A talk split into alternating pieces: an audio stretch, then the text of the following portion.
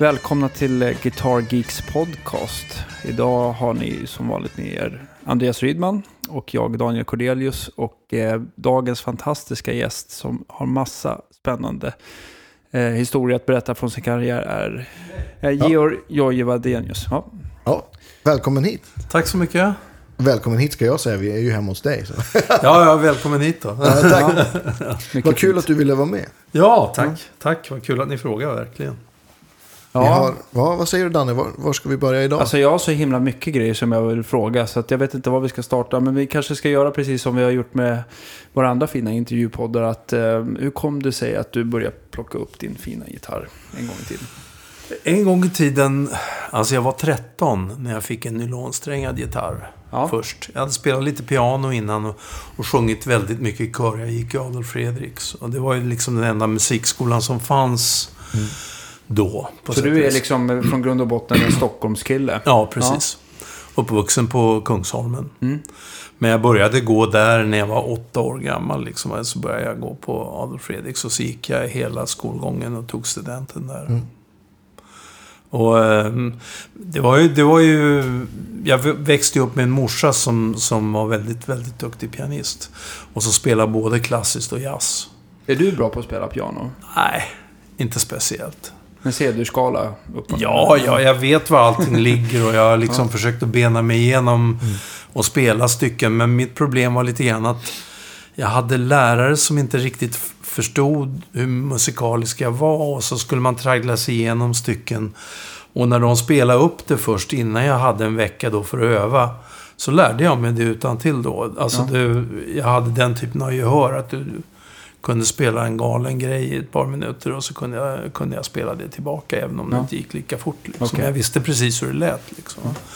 Så jag övade ju överhuvudtaget inte, utan jag gick ju och spelade och tittade inte på noterna heller, utan gick tillbaka och spelade efter mitt minne då. Men Ja, ja, det, okej. det lät ju sådär lagom bra antagligen. Så, så jag... Det blev först när jag fick en gitarr som jag... Eh, det blev liksom ett forskningsprojekt på något sätt. Va? Att en gitarr är ju stämd som den är stämd och jag visste alla klanger, jag kunde alla harmonik, jag kunde alla basgångar och allting sånt där. Det var bara gäller, lokalisera sig. nu gäller det att liksom. försöka få reda på hur, hur kan jag få den här att låta lite åt det hållet liksom. Ja. Ja. Och, så, så det var, och dessutom, när jag fick den, det var 58 tror jag var för, ungefär. Va?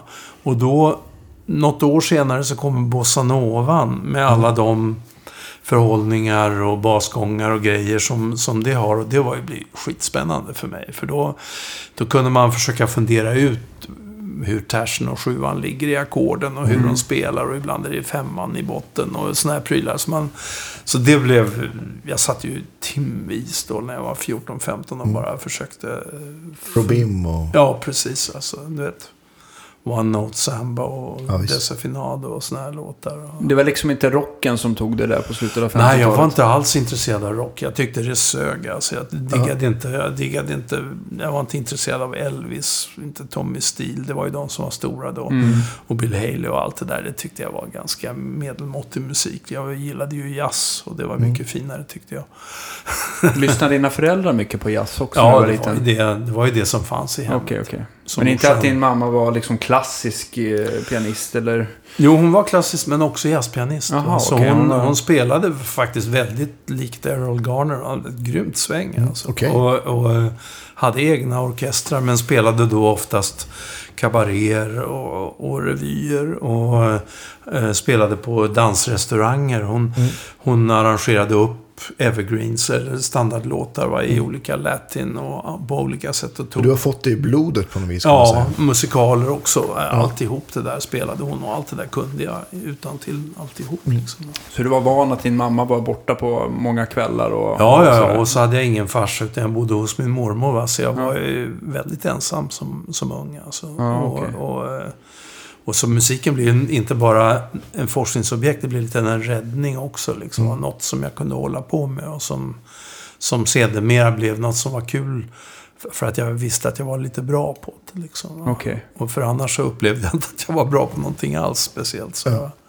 Det blir ju så när man inte får någon som helst uppmärksamhet Ja, eller inte visst. blir sedd. Alltså. Mm. Okej. Mm. Var, det, var det en nylonsträngad gitarr då, den första? Eller en, Det var det. ja. Ja. Jag tänker på, på En bjärton. Ja, som det så vackert.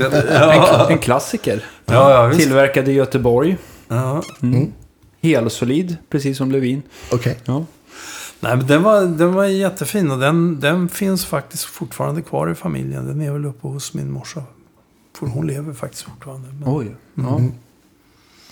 Hur gammal är din mor nu? 92. 92? Ja. Ja. Mm. Ja, häftigt. Ja.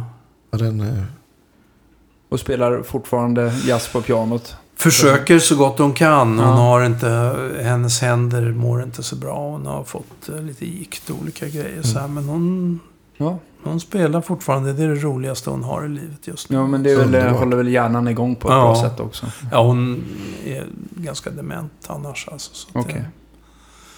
det, det, ja, Nåväl, ja men du har kvar gitarren i alla fall. Så att du, du plinkar Ja. på den när, när du får ja, det är chansen. kul att den finns Nej, jag har ju det, det jag använder det är ju Bolin. Jag har en gammal Bolinare från 67. Jag köpte Ja. en Bolin-gitarr då. Så det är den jag har och det är den som är med på alla grejer som jag har gjort på inspelningar och sånt Lärde du känna Bolin själv? Egentligen inte. Jag träffade honom bara ett par gånger. Ja. Han var däremot... Han var... Eh, hade mycket att göra med en, en kvinna som heter Svea Hammarberg som var en väldigt erkänd klassisk gitarrlärare Mm. i Stockholm. Och hennes son var min bästa kompis i gymnasiet. Jaha, tog du också gitarrlektioner av henne då? Ja, eller? i ungefär tre fyra månader tills hon mer eller mindre på ett vänligt sätt insåg att, eh, att det, det var nog inte där jag ville gå. När, när det var lite för svåra harmisar och svåra grepp och sånt där, då började jag improvisera. Man kan säga. så, så jag ändrade lite på det för att det skulle vara lättare att lira och såna grejer. Och det, nej, det var inte populärt alltså. Nej. Men eh, så efter, och så tyckte hon att, det har Kalle som han heter sagt, så han, han, hans morsa säger han är ju helt galen den där Georg. Han spelar ju vad som helst hela tiden. För jag sitter ju alltid och latchar med grejer. Va? Ja. Hon fattar inte vad det var för något.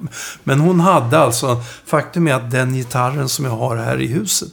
Ja. Det är den gamla Bolin-gitarr som hon hade när hon undervisade. Ja, Åh, kanske Och- vi får lägga upp en bild på sen Ja, det Facebook, får ni gärna. Ja, men vad kul. Och, och den... eh, Och, då, och den gitarren tyckte jag var så fin. Så då... då Bolin hade byggt den och så byggde han en, en likadan åt mig. Mm.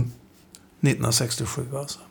Men den har jag alltså i Oslo så slipper Ja, jag resa med Ja, perfekt. hela tiden. Får jag, frå- får jag bara fråga innan jag glömmer bort det. Det här med Bolin-gitarr och handbyggd gitarr då. Har du några minnen av vad det kostade då, 67? 4 000 kronor.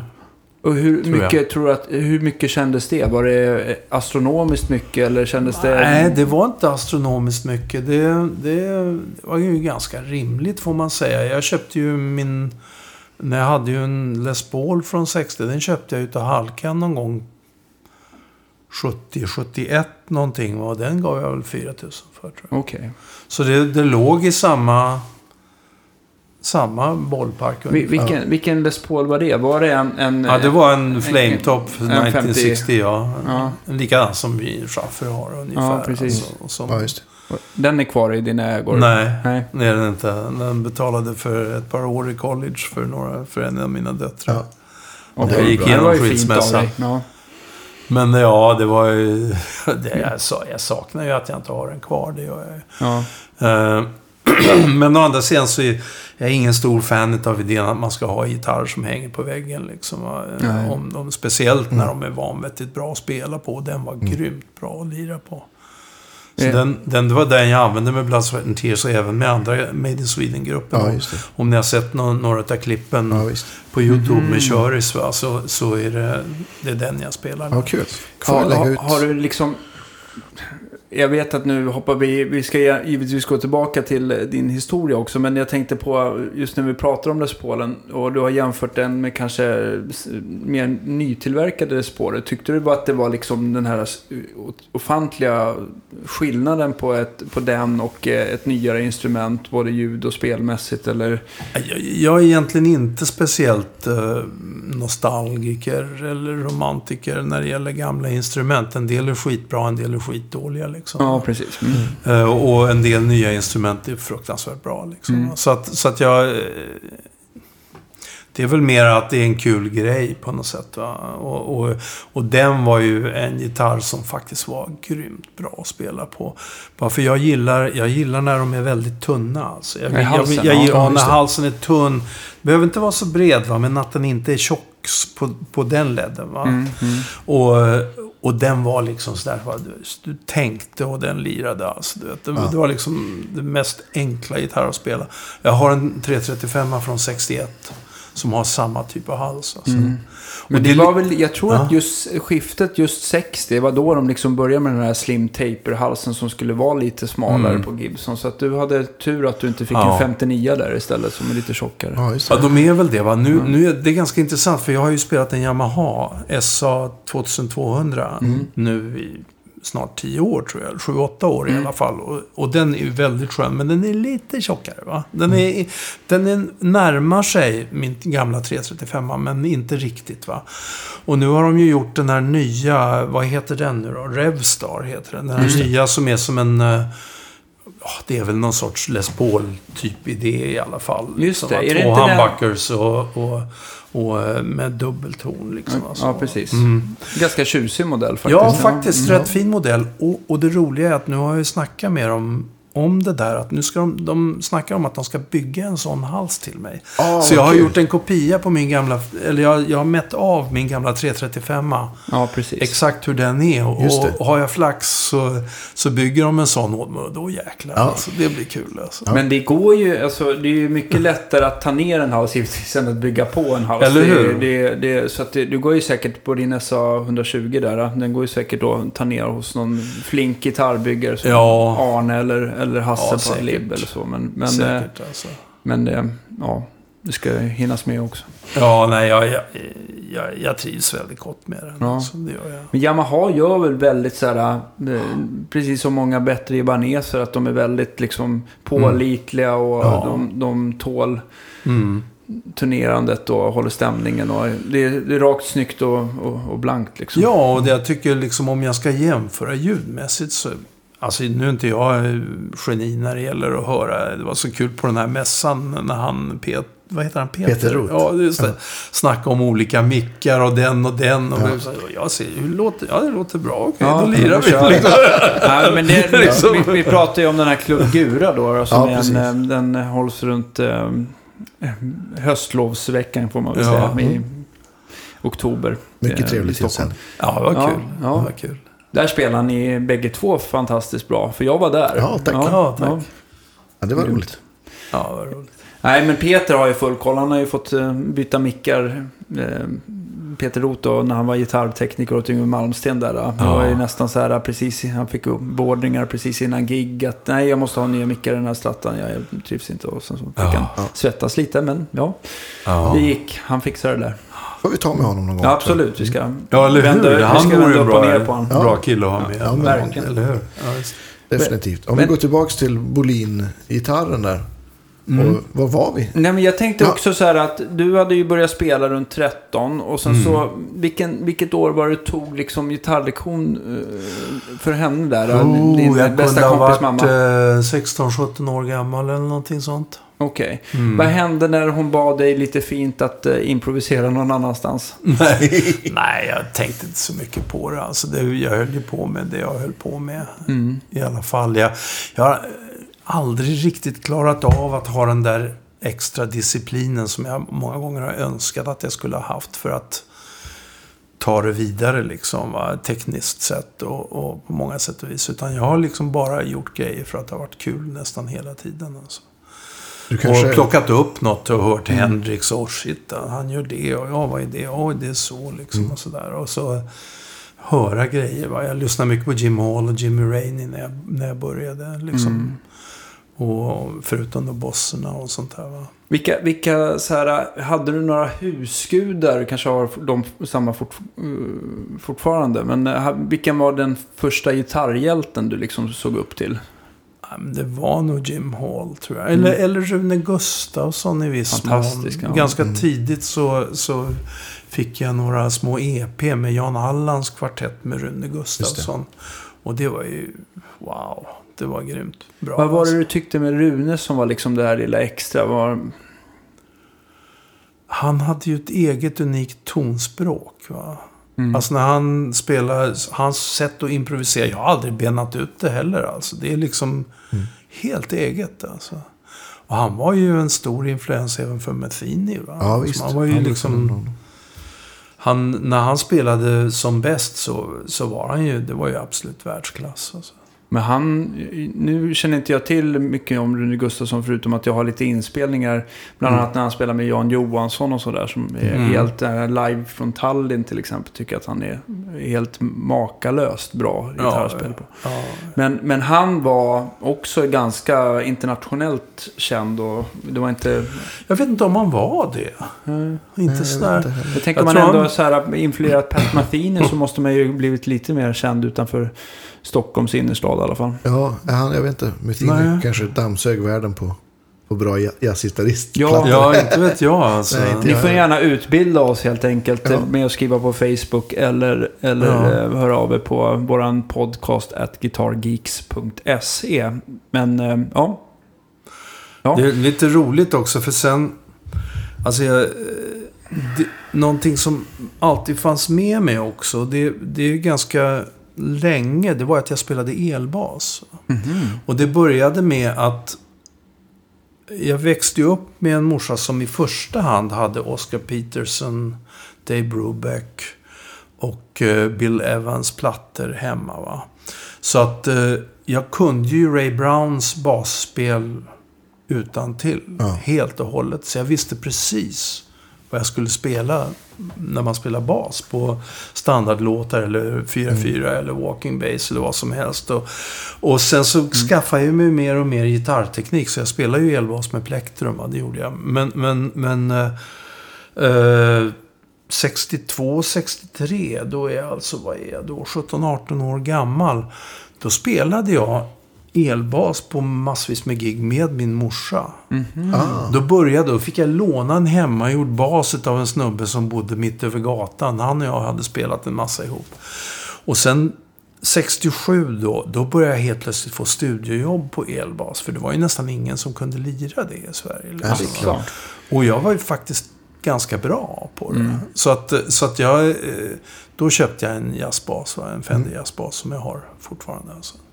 Okej, men det är inte... Du körde aldrig kontra eller Nej. kontrabas eller någonting? Nej, jag var aldrig uppe på, på det alltså. Nej. Men det var liksom länge, länge stod och vägde. Ska jag bli basist eller ska jag bli gitarrist? Och det var väl egentligen först när jag fick gigget med Blood, Sweat and Tears som jag bestämde mig för att bli gitarrist. ja, det var så pass? Ja. Okej. Jaha, vilket år fick du förfrågan, eller hur kom du med Blood, Sweat and Tears där? Som, som har, de har väl det här, eh, nu ska jag säga så jag tänker rätt, Spinning Wheel är väl deras Ja, eh, precis. Det stora var ju flera, det var ju flera år innan jag Ja. var med. Va? Men eh, nej, det som hände var att jag träffade Stefan Grossman. Det känner säkert du till. Ja, absolut. Bluegrass, eh, har gett ut en del böcker och Mm. otroligt sympatisk man. Alltså, som då bodde i Italien, var gift med en italienska. Som kom till Sverige 1971 i september eller någonting sånt. Och då hade vi samma bokare i Danmark som, som hörde av sig till mig och sa Fan, gå och träffa, lyssna på Stefan och träffa honom och sådär. Och han åkte runt själv och sjöng och spelade. Och var, Han var ju dessutom nästan stand-up-komiker. Liksom. Han var väldigt rolig också. Liksom. Men vi, vi träffades och, och hade jättemysigt och hängde ett par dagar. Han var i Stockholm ett par dagar och vi jammade och spelade och Ja. höll på. Och så var det liksom, "Men fan nästa år så gör vi någonting tillsammans. Jag kan ju sjunga lite också. Ja. Och så kan jag spela med Leeds och så kompar. Och du vet, vi började skissa liksom. Mm. Sen vet ju inte jag det att han är barndomsvän va, med Bobby Colombi och Steve Katz. Och om det var Soloff eller någon annan i Blood, Sweat and Tears. Mhm. Och tre månader senare så har de en turné i Amerika. Och så sitter de efter ett gig och han är förband för dem. Mm. Så sitter de efter ett gig och så säger de att fan vi måste hitta någon som spelar med i jazzrock. För Steve Katz var ju egentligen bluegrass-gitarrist. Ja, men visst. Och passade egentligen inte riktigt in i det bandet på något sätt. va. Eh, och då sitter han och säljer in dem på mig alltså. Så att du vet. Fantastiskt. Det nästa jag vet är att jag får ett telefonsamtal från New York och undrar om, det skulle kunna, om jag skulle kunna tänka mig att åka över och träffa dem och lira med dem och se om jag kunde vara med i bandet. Liksom. Mm. Och Och de var ju- nappade direkt helt enkelt. Ja, de de litade så pass på Stefans eh, ja. rekommendation. Och, och, och det måste, alltså så här i efterhand, idag så finns det ju mycket bra gitarrister som helst. Men, men då, 71, 72, då, då, var jag, då var jag lika bra som de flesta liksom. Runt om i världen på något sätt. Va? Så det var liksom, så jag var ju liksom, jag kom ju in där, jag var inte rädd eller blyg eller någonting. Jag var med i bandet liksom. så det var hela min, jag bara kände så liksom. Va? ja. Och jag tror det smittade av sig. Alltså det var liksom, ja han är ju med liksom. Så, Ja. så, så, så vi lirade och så gjorde jag ju den där skattgrejen då som de knappt hade hört förut. Liksom, Och det blev ju, det, det tände de ju till på. Och så, och så hade jag ju väldigt snabb musikalisk uppfattning överhuvudtaget. Så att, så att jag lirade med dem ett par, tre dagar och sen, jo då, Sen satt de och jag var med liksom och bestämde att jag skulle vara med. så att det var liksom så här, ja, okej, ja fint. Nu kör vi. Hem och packa grejer och sen flyttade jag över om en månad alltså. Ja. Ja. Snabba puckar. Men jag tänkte på, eh, bara innan vi kommer in på USA där, eh, att du blev ju influerad att börja spela jazz, eh, alltså Mm. fusion-gitarr där. Vilka gitarrister, för det var väl inte riktigt Jim Hall som är lite mer jazz i min värld? Va? Hur, Jo, men det var Jim Hall, det var väl eh, tidig Benson. Ja. Och, och det var eh, Wes Montgomery. Ja, jag gjorde ju ganska tidigt började jag spela oktavspel. Och lite harms, Ja, det är väldigt mycket och grejer och sånt där. Ja, precis. Ja. Så det, det höll jag på med. Det hör man på de tidiga Made in Sweden Mm. eh, plattorna. Mm. Från 68-69. Så Made in Sweden var det liksom det som du gjorde innan du blev Blood, Sweat and Tears som... Ja, Som- det var liksom det första band, eller jag spelade ju band innan. Vi hade ett band som hette, Stubi, jag var med i ett band som hette Stubinerna först. Och det var ju mera, då gick vi och pluggade allihopa. Va? Eller de flesta av oss gick på universitetet och vi spelade bara på studentkårerna och liknande ställen. Va? Och vi spelade i stort sett hela Beatles repertoar och lite annat. Men det var, det var den typen av grejer. Tyckte du att det var kul att spela Beatles-låtar? Ja, ja. Mm. Det, var, det var jättekul. Och Beatles betydde mycket också. Va? De, de tillförde ju ett, ett, ett nytt harmoniskt språk inom popmusiken. Liksom, vad som inte hade varit där tidigare. och dessutom lyssnade jag en hel del från 64-65 på Simon Garfunkel. Och det kan man höra på min barnplatta också. Att jag, att jag har lånat en del utav vändningarna och grejerna som, som Paul Simon gör rätt mycket faktiskt. Alltså, det, det var en stor influens också. Så, så eh, eh, de var influenser. Och sen kom ju, och så kommer Clapton tidigt. Va? Jag Just såg ju John Mayall med, Peter Green till exempel på Nalen. Ja, vad coolt. Och Hur bra var det tyckte du? det då? var grymt bra alltså. Jag såg också eh, Fleetwood Mac tidigt. Jag såg The Who där också. Det, det var liksom, det var, det var grymma tider alltså. För Ja, man, verkligen. man lirade, vi spelade ju förband och 10 years after på några konserter i, i, i Sverige också liksom. Va? Och det här är... Ni, ni spelade alltså då med... eh, Med Made in Sweden, just ja. Men efter Stubinerna så var det ett band som hette Grapes of Wrath. Och vi lirade Sam and Dave och Otis Redding Ah, okej. och James Brown och sådana. Lite mer den soul, musiken. ja. Ja. Så då, då var det det som gällde på en scen med två blås och, och komp liksom. Och en organist, Kalle, vad hette han? Kalle någonting. Kalle Kula kallades han. Som sjöng Ja. grymt alltså. Så det var... Sen, sen då kom Made in Sweden. Och, Made, och, och det var ju ett par, tre år. Men samtidigt så var jag ju studiomusiker och jobbade med Cornelis, jobbade med Monica Z, jobbade massvis med bas in, på inspelningar. Björn Gison Lind och annat. folk. Med, med, med, med Monica, var det bas eller gitarr då du spelade? Det var både och. Både och, okej. Vi gjorde, vi gjorde mest plattinspelningar, så gjorde vi en del tv-inspelningar. Då var det Ah, gitarr faktiskt. Okej. Men det var ju sådär, det gjordes ju, det finns fortfarande, ibland visar de det på sådana här minnenas television Ja, och liknande. Där vi sitter, det är liksom, dels är det Made in Sweden och dels är det Rune Gustafsson och Egil Johansen och, Just det. och, Mm. och om det var Georg Riedel och, och Steve Kuhn tror jag det var, som spelar, spelar piano där. Och, och Monica Dominic och Monica Z och Östen Warnerbring. Ja, ja, Så visst. det är så här, ja. Men var det så att, att du kunde bli påringd på inspelningsjobb för att du spelar både bas och gitarr? Man tänkte att... Nej, oftast var det det ena eller det andra. Ja. Jo, men alltså till exempel Pugs första platta. Va? Ja, Då, då var ju Anders Burmans tanke var ju liksom att jag skulle spela både och. ja. Så jag först spelade jag elbas på grunderna med hans, kom, hans kompgitarr och, och eh, Loffes trummor. Va? Just det. Och sen la man på någon gitarr och lite annat. Men det, du, jag tänkte det var ändå inte den tiden där man liksom försökte köra in så mycket live i studion som möjligt. Utan det var, det var även, det hade liksom utvecklats långt med att lägga på i efterhand och Inte sådär. så mycket. Det var Nej. fyra kanalbandspelare alltså. Ja. Det var fyra kanaler tape som du hade att röra dig med. Va? Så, Ja. att, eh, så att det var ju inte obegränsade möjligheter till att göra pålägg. Va? Sen så fann, fanns det en dansk tekniker, Philip Foss, som hade byggt en egen 10-kanalig bandspelare. Som hade inspelningsstudio i Köpenhamn. Och där gjorde vi den andra plattan med Made in Sweden. Och då var Sven Asmussen med också. Ja. Och då, då kunde man ju leka med mer Ja, just det. Då måste det, känna, det blev en liten wow-känsla då med tio kanaler helt plötsligt. Ja, ja, visst, ja visst. Och sen, sen var det väl i den vevan som åtta kanalen kom. Alltså. Det, var, Mm. det tror jag. Alltså, Någonstans 69-70. Och... Eh, nej men det, det var ju... Jag hade ju hur kul som helst. Jag var ju med i alla möjliga sammanhang. Jag, jag var med, minns jag, 1970.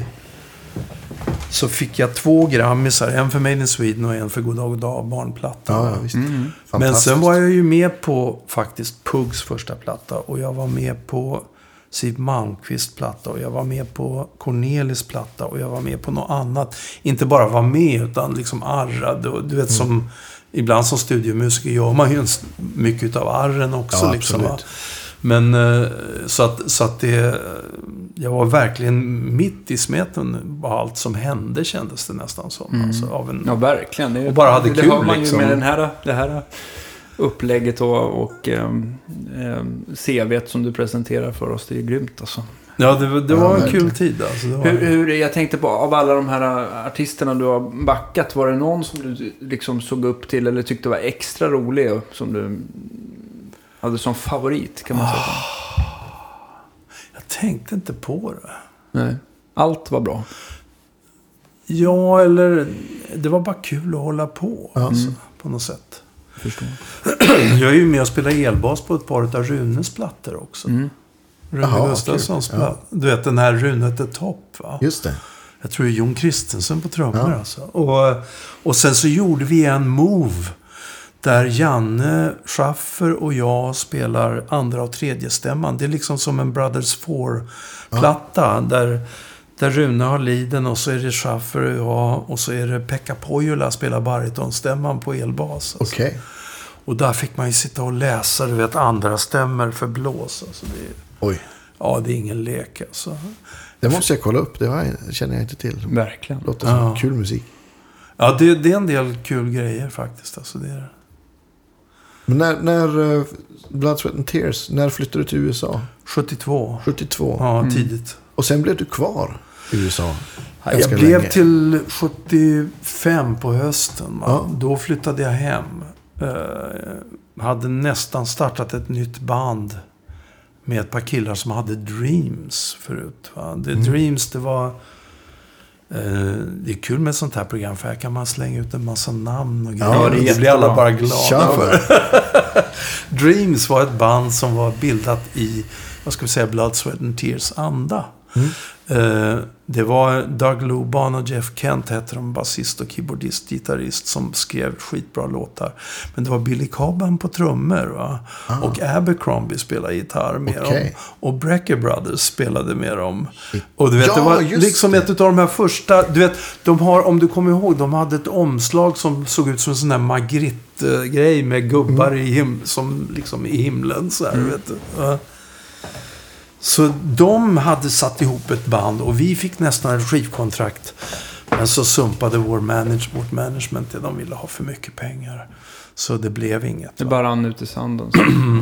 Och jag var hade- du i New York då? Eller? Ja, då var jag Ja. i New York. Och så hade jag på gång, och det har jag nästan alltid lite ångrat. Va? Men då, det var då i den vevan som vi fick ett erbjudande att få skivkontrakt med Polydor var det, med Tommy Körberg, om att starta ett nytt Made in Sweden. Ja. Och så började vi väl lite med det, fast Made in Sweden med två finländare och en polack. Liksom. Men, men, men det var i alla fall i Sverige som vi satte ihop bandet. Och, och eh, vi, var, vi var globaliserade före vår tid kan man säga. och, eh, men vad, vad var jag på väg? Jo. ja, jag hade en chans. Fick ett erbjudande. För jag, vi var nere och spelade i Miami. Och University of Miami hade en fruktansvärt bra lärare då. Ran, R- Randall, Randy Dallahan eller någonting sånt där hette han. Randall. Som spelade, han spelade solon med fulla harmoni, fulla fyrstämmiga harmonier liksom. Oj. Fruktansvärt bra. Och jag var där nere, vi var där nere och spelade på en klubb med Blood, Sweat Tears. Det här var precis innan jag la ner och var med bara för att det var, jag var så trött på att spela samma, och jag mådde inte bra liksom. Det var samma musik om och om igen. Det var typ samma setlista Och så var det i, inte- ja, i tre, fyra i år. flera år. Och, Mm. och, och eh, i, inte bra sammanhållning i bandet för grupperingar som inte Ja, kändes ja, okej. bra. Och, och jag skyllde inte på Jag var lika skyldig som alla andra liksom, till att det, det blev så fel. Liksom. Men, Ja men, eh, men eh, så jag, och då var jag där nere och träffade honom, lirade med honom. Och då fick jag erbjudande, ja men har du lust att... Och jag sa, fan gör? Ja, lust, har du lust att gå ett år så är du välkommen liksom. Ja. Jag kan, du behöver inte betala för att gå, alltså du, du kan ju tillföra stället och du vet så. Ja. Och då fick vi jobba med Blood Sweat, eller eh, Made in Sweden nya. Och så Ah. flyttade jag hem och det har jag ångrat många gånger. Alltså jag, det tog mig säkert tio år att lära mig vad jag hade lärt mig på ett år. Då. Men eh, du vet, det var ju liksom Hiram Bullock gick där. Matheny gick där. Just det. Mark Egan, Danny Gottlieb gick där. Uh, Will Lee gick där. Alltså Ja. det, det var Ja, inte shit. vilket jävla skitgäng som helst man hade fått lira med hela Nej. tiden. Liksom. Alltså att det, det, det hade varit kul. Men det har ju gått bra ändå. Liksom. Men, Ja, verkligen. det, det, är inte, det är inte så mycket vi kan göra åt här nej, eller hur. Men det är så där i Ja. efterhand så ibland så, nej. Det, man kan inte hänga upp sig för mycket i det. Men då flyttade du hem och så... Och då körde ni... Hur länge körde ni vidare då med... Nej, du, vi, var, vi höll på ett halvår eller något sånt där. Och sen det så var inte så bestämde länge. sig... Nej, vi, vi höll på lite längre. Men då bestämde... Köris fick ju jobb med Hasse och Tage. Och tyckte att det var mer spännande än det vi höll på med. Och det kan jag, då, då var jag inte glad alltså. Då var jag inte glad på honom alltså. Men, men eh, efteråt så förstår jag ju det. att Det var, han är ju en orolig själ liksom. Ja, det Så var han, kanske ett säkert gig också. Kanske, ja, eller? det var, nej, men det var ett gig som verkligen kunde utveckla en talang hos honom i, en, i ett annat fält. Liksom, va? Som skådespelare och som komiker och Mm. Sådana grejer. Jag tror, och det ser man ju nu om man ser hans show. Liksom, va? Ja. att han har ju alltid velat vara mer än bara en sångare. Liksom, Ja. va? Mm. Så eh, jag fattar ju det sen. Liksom, va? Så, så han... Och så fick vi in en annan sångare och det funkade inte riktigt. Jag menar, hur fan är, sköter du honom? Speciellt då. Ja, men- Ja, liksom, han var väl verkligen ja, kanske Sveriges bästa alltså. sångare. Ja. Ja, han kanske fortfarande är det. Liksom, va? Men då Sveriges var det ju liksom, det fanns ju ingen... fanns ju ingen på en andra plats en gång. Jo, kanske Schiffs. Alltså. Ja. Ja, just det. Men Chips var, Björn. det var, ja precis. Björn Han måste var ha ju... kommit där någonstans. Nej, Björn kom redan samtidigt med Made in Sweden. Vi, Asså? det var så Ja. nära att Björn blev med oss. Eller att vi blev med honom, eller hur man ska säga. För vi, vi, vi diggade Zeppelin väldigt, va. Men vi kunde ju, ingen av oss kunde ju sjunga så bra Mm. Nej. som Robert Plant, liksom. Va? Eller, det där var har vi en annan bra sångare. Ja, eller hur? Det var jag som sjöng va? och jag kunde ju inte, jag var inte i närheten av det. Och, och då Björn, va? dels spelade han ju orgel och Visst. dels så hade han ju världens jävla pipa. Liksom. Så att, Ja, det hade kunnat vara något. Det hade kunnat vara något. Men det blev inte. Det blev inte så. Och, eh, eh, ja. Det, går, går, det, det, det är ju det som är kul samtidigt med, med vår bransch. Att, att, att man vet ju aldrig riktigt Nej. vart det är på väg. Nej. Eller vad som händer nästa Det är en år. gambling helt enkelt. Ja, det är det. Och det är mycket vem man träffar och vibbarna och eh, Mm. den dagen och allt Visst. sånt där. Som med han Stefan Grossman till exempel. Ja, liksom. exakt. Visst. Man ska ha lite flax. Ja, eller hur? Eller hur? Stjärnorna ska stå rätt. Men jag tänkte på Made in Sweden där. Ni fick en ny sångare. Det kändes, det kändes liksom inte bra. Nej, och funkar sen, inte. sen eh, la, ni, la ni ner sen, eller vad hände? Ett litet tag till höll vi på, men Pekka hade ju redan då svåra alkoholproblem. Okej. Så jag lirade ibland med en grupp som hette Oriental Wind. Med, som var baserade i Stockholm. Ett turkiskt band med en fantastisk trumslagare som heter Okai Temis. Okai spelade ju liksom bättre än Steve Gadd om det var sju, sju fjärdedelar och elva och nio och allting. I fyra fjärdedelar så lät han som en haltande elefant. Alltså han klarade inte av att lira Vad fyra konstigt. fjärdedelar. Eller i och för Ja. sig, det kanske inte är konstigt. Jag kan ju inte spela 11. eh, och- Nej, men alltså han bara, han bara... Det var liksom, wow. Det var enkelt för honom. Grymt jävla bra. Och i hans band spelade ju liksom Palle Danielsson, Lennart Åberg var med. Ja. Och eh, jag tror Bobo var med ett tag på Stensson också. Men så hade han också med sig en turkisk pianist. Va? Och sen blev jag med och lirade en del med dem. Och det var ju otroligt lärorikt. För då fick jag verkligen sätta tänderna i och spela udda ta- taktarter och sånt där. Va? Och, och ibland så hade vi med Pekka på bas. Bara för att, ja, han tyckte också det var kul. Men så hände det ju då liksom att Pekka, Pekka söp ju till så in i helvete så han Ja. kunde inte stå på scenen. Oj, Mm. ja, då är det ju svårt. Och då fick ju jag lira bas liksom. Va? Ja. För det kunde jag ju liksom. Mm. Men jag minns speciellt en gång. Då, då spelade jag bas då. Eh, på Mariahissen som stället hette. Det här är dagen innan Weather Report ska lira på eh, Konserthuset. Va? Ja. Och Jakob kommer ner. Och jag kände ju Jakob lite grann från, från vi hade träffats i och med Bl- Blood, Sweat and Tears. Ja, när han träffade Bobby Colombi. Som blev då hans platta liksom som Bobby producerade. Och så efteråt så kommer han bara fram George, you should stick to the guitar. ja, tack. Ja, ja, vad tungt att fått den kommentaren från, från Jacko. Ja, visst alltså. Okej. Ja, men det betyder i alla fall att Man- han säger- kanske gillar mitt gitarrspel. Alltså. Om man får se på det positivt. Alltså. Ja, Ja. Ja, det förstår jag. Att det är väl inte det roligaste kommentaren att få, men det, ja, Nej, det jag, kanske tog, är kul jag tog det inte så allvarligt. Jag, jag kände, alltså, fan, jag visste ju att han hade spelat cirklar runt vad jag gjorde. Liksom. Mm. Men, men eh, det var ju ändå lite kul. Ja, verkligen. En, en väldigt kul story så här i efterhand också. Ja, ja, Ja. visst. Ja, visst, visst. Och sen hände det då att Pekka blev så jävla full när vi skulle spela också. Så då, då, då kände jag liksom att nej, nu, nu lägger vi ner. Ja. Hur, eh, alltså du måste ju sett så himla många människor som har, som har haft det problemet under dina år som, som En musiker. del, men inte så mycket som man kanske skulle tro. Mm. Alltså. Vi i Blood, Sweat and Tears var inte... Det var några som rökte till lite grann. Och det var väl någon som gjorde lite kokain någon gång. Eller lite grann sådär. Men det var egentligen ingen som var riktigt på deken. Alltså. Nej, det var inget Inga problem. heroinister. Så det kom Nej. senare. Det var ju en kille som hette, vad hette han? Gregory Herbert. Som kom in efter att jag hade lämnat bandet. Som var med något år sen. Som, som tog en överdos. Alltså som dog när de var ute. Mhm. Men det, det är något år efteråt. Men jag såg inte mycket av det. Och Made in Sweden, vi var ju, vi var ju pinsamt nyktra hela tiden. Alltså. Du vet, vi, Ja. vi drack nästan inte öl. Alltså Nej. vi första Made in Sweden. Folk trodde ju vi var stenade så in i helvete med den musiken vi spelade. Ja. Vi var, vi var hur straighta som helst. Mm. Vi rökte inte, vi drack inte, vi gjorde ingenting. Nej. Och det var, vi hade liksom inget behov av det. Liksom. Det var... Det är jag jävligt glad för idag. Liksom, För jag Ja, började förstår inte jag. dricka vin förrän jag var i 30-årsåldern. Liksom, Mm. Eller någonting sånt där.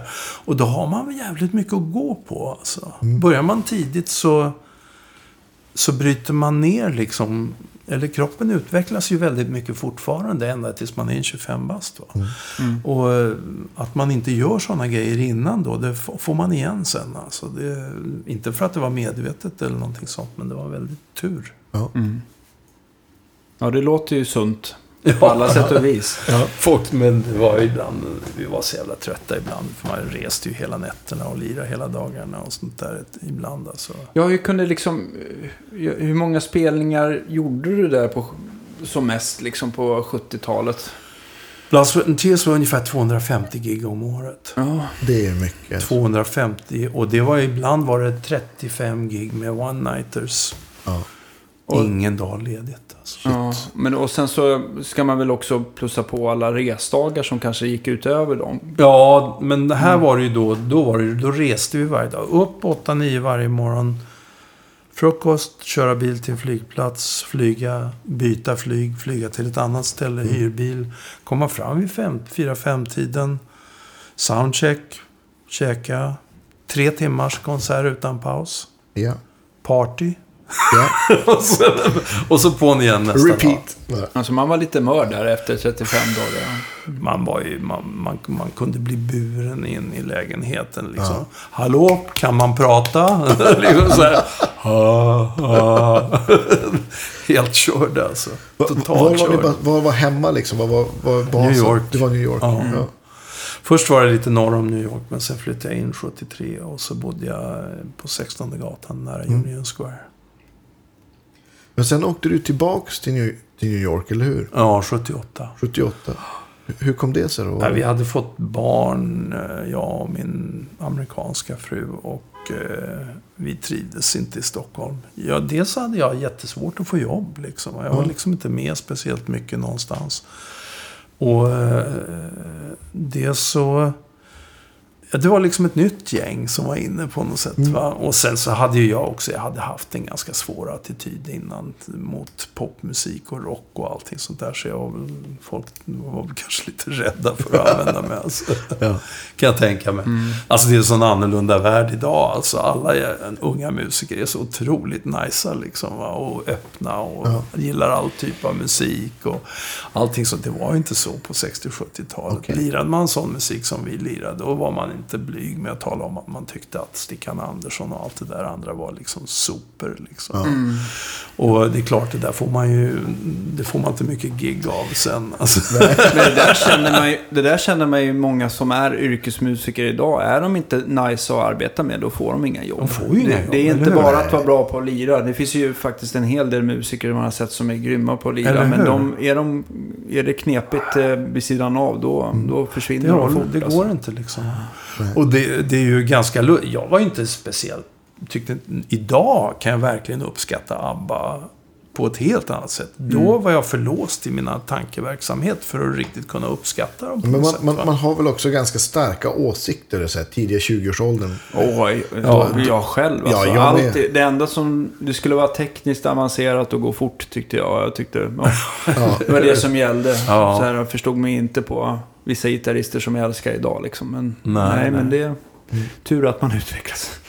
Det blir ju, det blir ju lite sådär. Man, jag tror man behöver gå igenom en fas när man vill spela fort. Och behöver Absolut, spela fort det är och allting sånt där. Mm. Alltså. Och sen förhoppningsvis så, så kan man sålla lite ibland. Ja, landa i något. Men Det är Ja. skönt att ha lite av den tekniken kvar idag i alla fall. För det Ja, underlättar men ju. Eller hur? Ja, ja. Men ehm, ja, Men då flyttar ni tillbaks till, Till New York, ja. ja.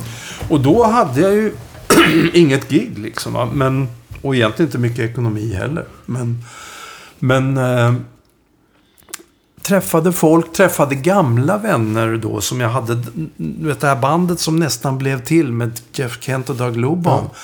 De hade varit med och gjort en reklaminspelning när jag var med. Och då hade vi gjort den för någon kille som var riktigt tung i reklambranschen. Alltså en sån här musikproducent på en av de största reklamagenturerna. Va? Ja. Och han hade kommit ihåg mig. Okej. Han, tyckte, han diggade mitt spel. Så, så när jag kommer tillbaka efter ett tag och så träffar jag mina gamla vänner. Två av killarna som hade varit med i bandet. En av dem hade blivit trumslagare på massvis med studioinspelningar. Och en av dem var arrangör. Liksom, va. Och så säger han arrangören. Fan du måste ju mm, ta kontakt med Arnold Brown som han heter. Eh, han snackar ibland om dig och säger fasen, ta, ring honom. Så ringer jag honom. Och han var liksom, ja, ja, ja, kom upp, kom upp och hälsa på. Och sen, och han är en av de tyngsta då i branschen, anlitar musikproduktionsbolag och annat folk och arrangörer för att göra sin grej. Göra, du vet, inspelningar för reklam.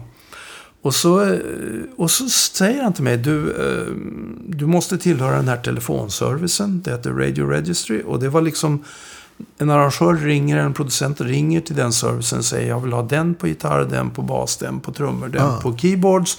Om inte han kan på gitarr så är det här mitt andra val, det här är mitt Mm. tredje val och så vidare. Så vidare, så vidare. Och sen tar de hand om och bokar bandet. Ja.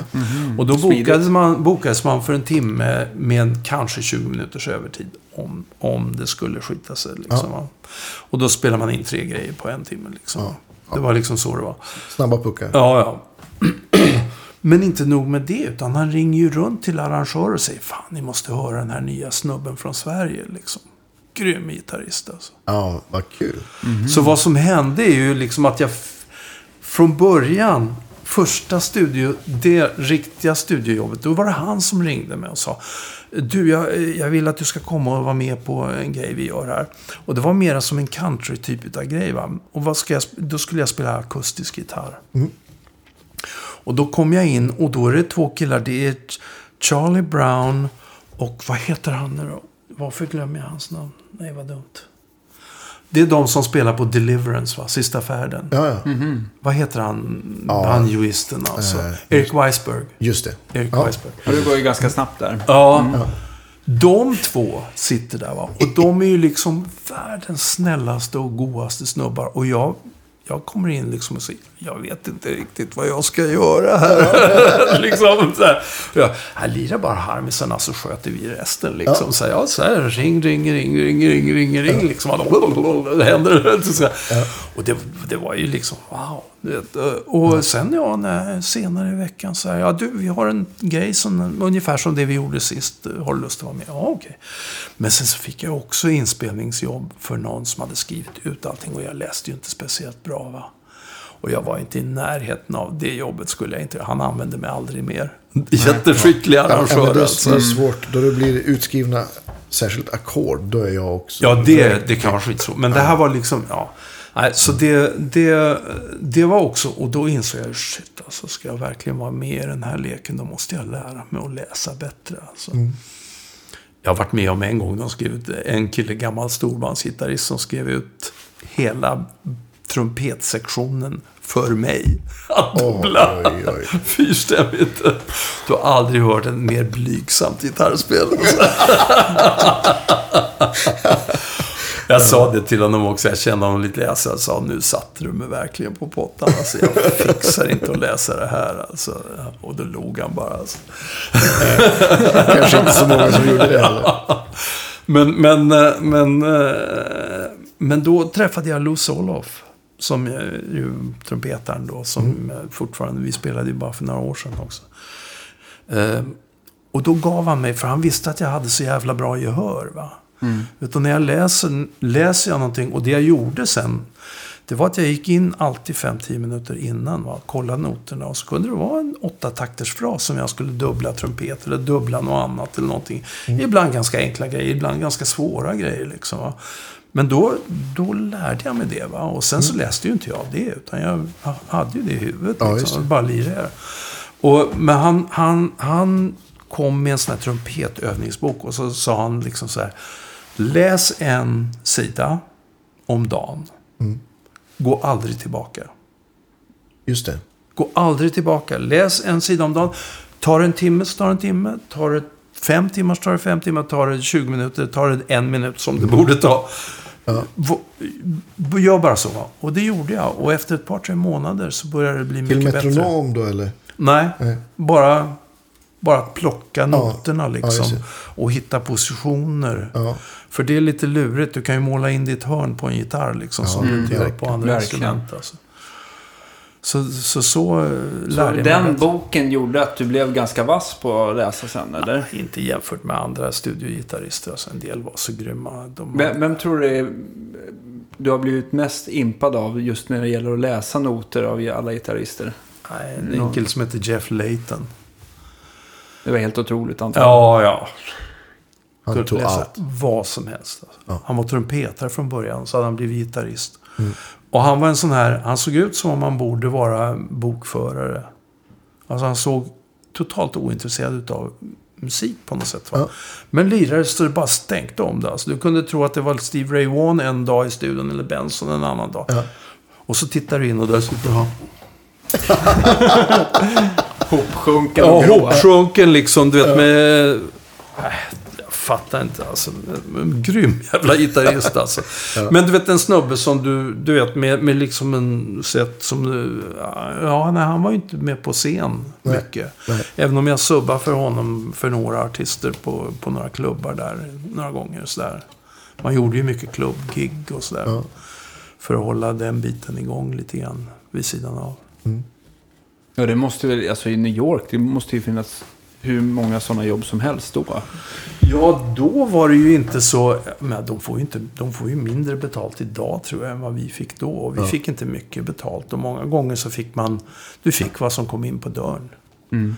Och du fick se till att det kom dit folk eh, ändå. Liksom. Alltså, när jag hade eget band så kostade det ju mig oftast ett par, tre hundra dollar att lira. Ja.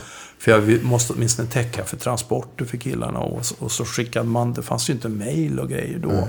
Utan du skickade vanliga brev ut till 500 pers eller någonting sånt Ja, där. Vilket det. var ett helvetes jobb. liksom, ja. ja. Så eh, ja, Ja, det, så var det. ja, Annorlunda, verkligen. verkligen. Ja. Hur, eh, men just hur välbetalda var de här studiojobben som du fick? Var det, för jag antar att det var det mer som blev levebrödet då? Ja, eller? alltså det, i snitt. eh, Reklamjobben var väldigt bra betalda. Och sen Mm. fick jag double scale. Så double scale på inspelningar betydde ett par hundra dollar i timmen. Ja. Och då fick du alltså 600 dollar för tre timmar. Mm. Och det bokades för tre timmar om du skulle Och det måste ju ha varit jättebra då? kan jag tänka Ja, mig. det var bra. Alltså jag tjänade väl runt en 5000 dollar i veckan. Ja, det är Mitten på jättebra. 80-talet Ja. alltså. Så det var ju, det var ju bra pengar alltså. Mm. Men sen så gick det ju fyra fem år och så var man ju nere i 1500 dollar i veckan. Jaha, okej. Så fort gick det alltså när datorerna och syntarna kom Ja. in. Alltså. Ja, det blir färre jobb. Ja, det kan jag tänka mig. Och så lämnade väldigt mycket jobb New York i med det också. Så att det blir alla... De som jobbade mest, Mironoff och, och Steve Kahn och... Eh, det är väl de som har namn. Ira Siegel vet jag inte om du känner till. Men Nej. fruktansvärt bra vänsterhänt gitarrist. Men de hade ju liksom... Jag hade väl en 15 jobb i veckan eller någonting sånt där. Och de hade kanske 15, 20, lite mer. Mm. Jag var kanske nummer fyra. Ja, i antal jobb.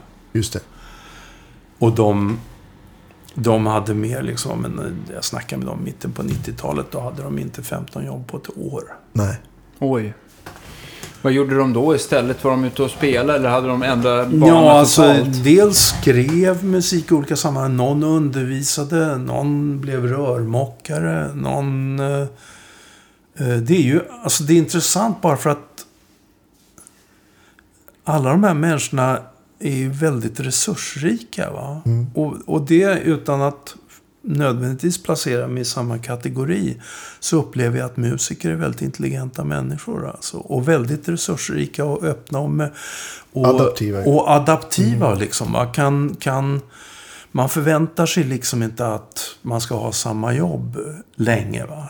Och man måste träffa mycket folk. Det kräver en viss social kompetens. Mm.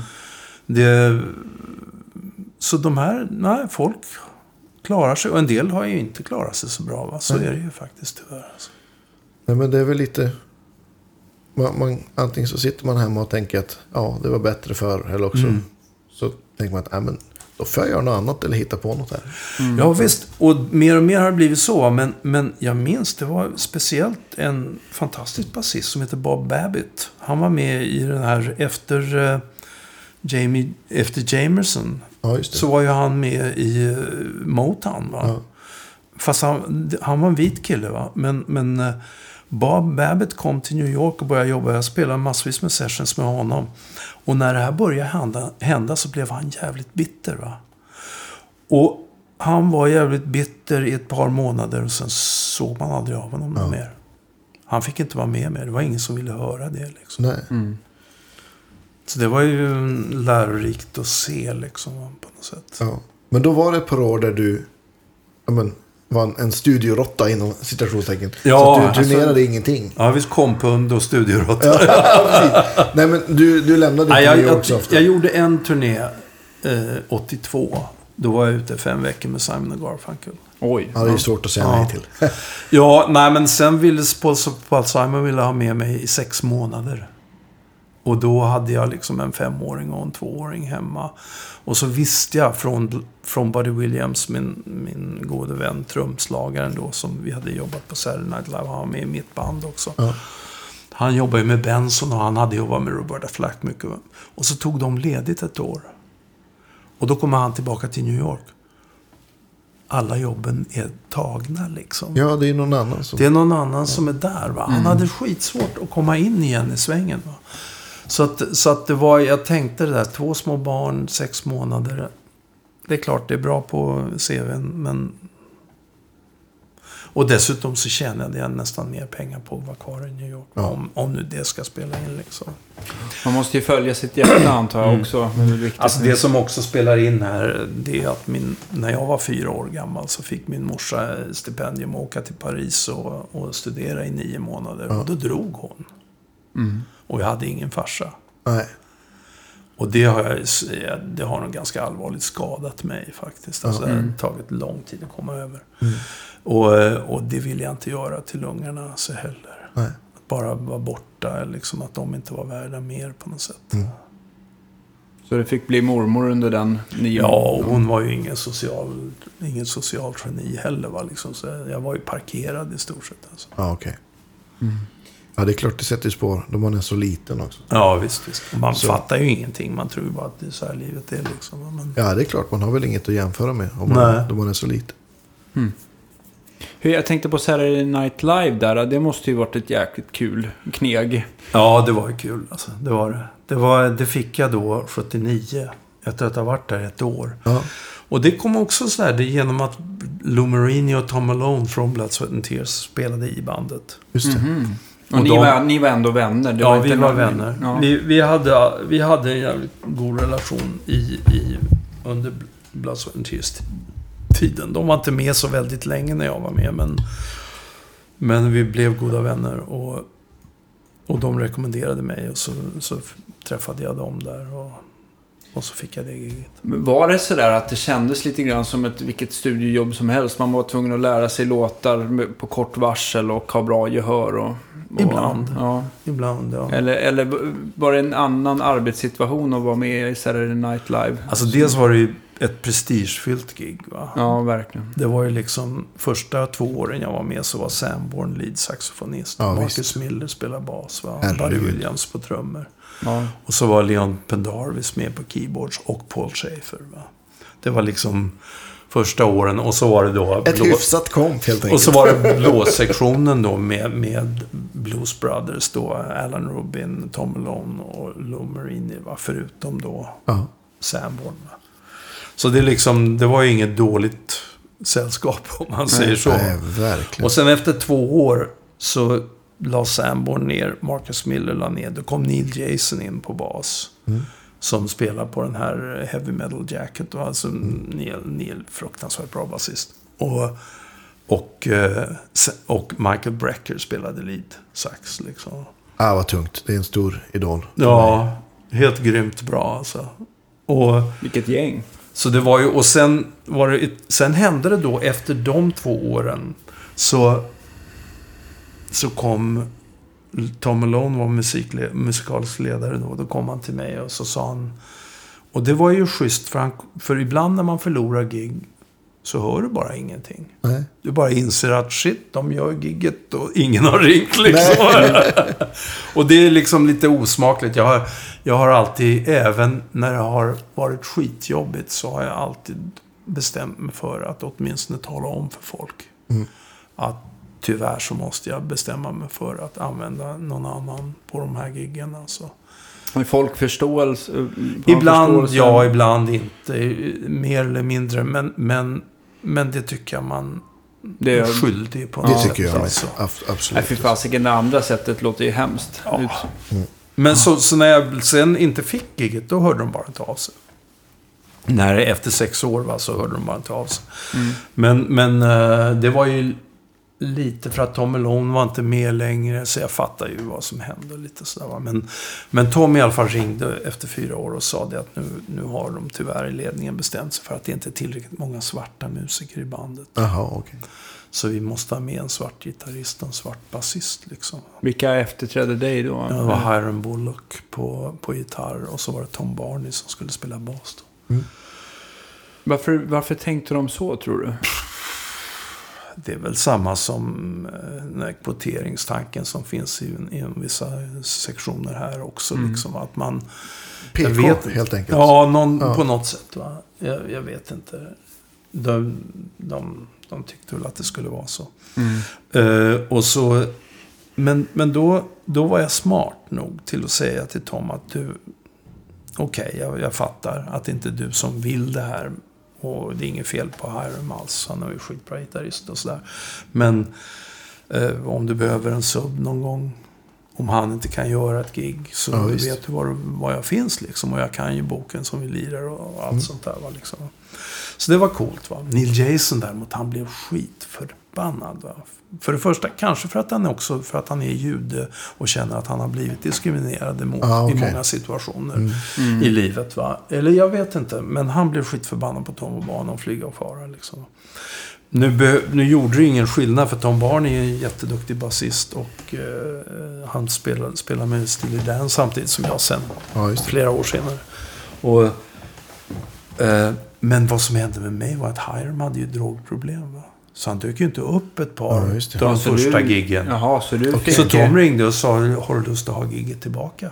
Okej. Yes. Ja. så då hade jag det två år till liksom. Ja, Ja, det kanske bort. alltid lönar sig att vara positiv och trevlig. Borde... Fast det, grejen är alltså, det, det är dumt att bränna broar. Mm. Det, Absolut. Det är onödigt.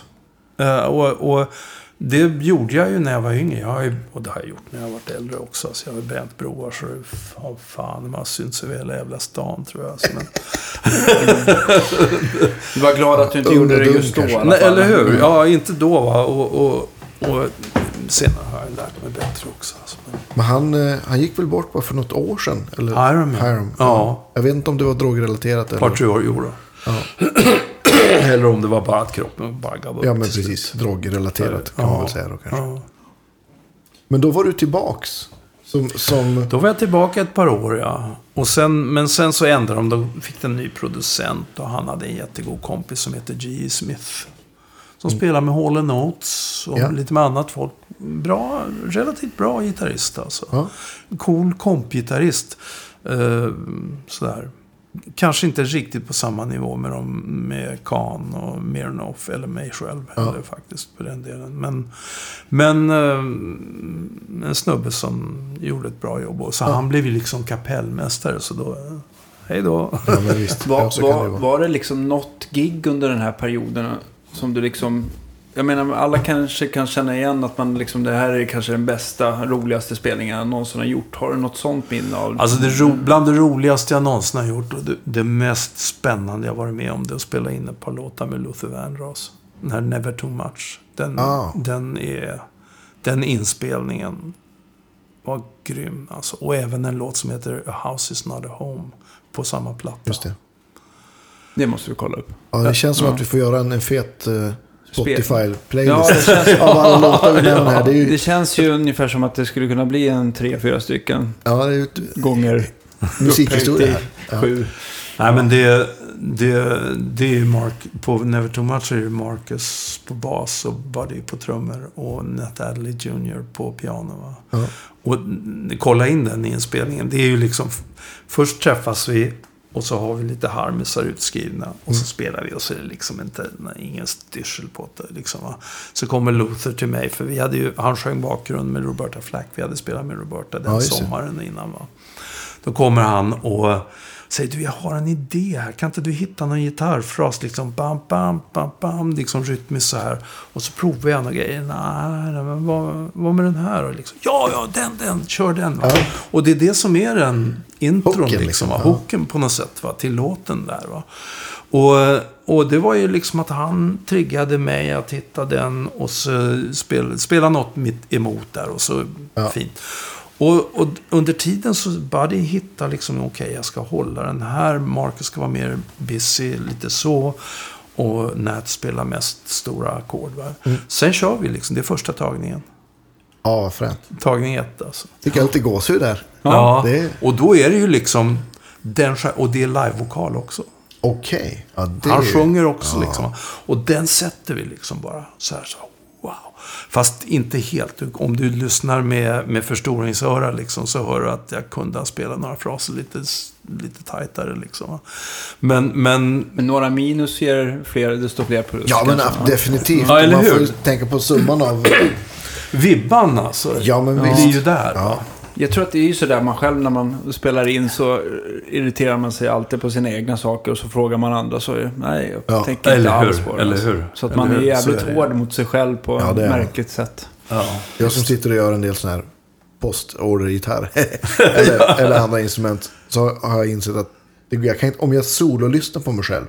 Då blir jag helt manisk. Och tänker, "Nej, jag kunde ha spelat lite bättre plektrumslag där. Men lyssnar man på det i, tillsammans med låten så är det inget som märks överhuvudtaget. Eller hur? Och sen men när man blir bortmixad helt och hållet så gör det ju absolut Ja, men precis. exakt, precis.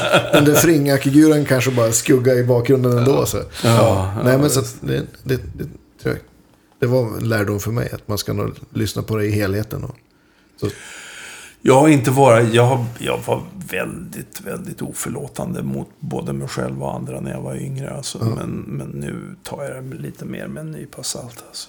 Jag, jag hörde någon sån här story från, om, jag vet inte vem det var, men om, om, om den här Stille Dan live-plattan. Någon som säger, ja men, jo, jag vet inte om det var, han, han hänger alltid två, två millisekunder eller, eller ligger två Ja, millisekunder det är från. Kamikiriad-plattan. Ja, okej. Det är det. De sa det åt mig liksom. De- de sa ja, de hade liksom, de hade liksom experimenterat för de hade spelat in på en Sony 32-kanals digitalbandspelare som fanns, som de precis hade kommit ut då. Och då kunde man ta liksom ett virvelkaggeslag och lägga det på två fyror i hela låten. Va, liksom, va?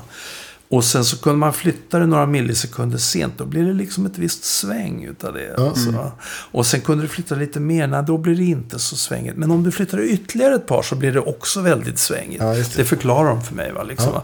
Och då sitter jag där och det, liksom, det finns ingen bas ännu va, på inspelningen. Lite keyboards, trummor och någon slasksång. Liksom. Och så ska jag lira då liksom eh, kompgitarr. Ja. Och så säger de, spela med virvelkaggen. Som alltså ligger x antal millisekunder efter. Det var inget roligt alltså. Nej, det kan jag tänka För min mig. naturliga tendens är att ligga lite på liksom. Det är ju ganska vanligt bland gitarrister Ja, att man är lite framåtlutad. Ja, men exakt. Ja, men där alltså, jag fick liksom nästan bara andas in för att det var vissa fraser alltså som Ja. skulle spelas. Om jag spelade dem som jag skulle spela dem så, så, så eh, Pushar pushar jag för mycket alltså. Jag kan visa en. Ja. Ska vi göra det? Ja, Ja. Ta fram gitarren. För, det den är, den här, är borde vi, kul. här borde vi nästan filma med en telefon. Så där. Absolut, jag hämtar min. Ja, då är vi tillbaka i filmning.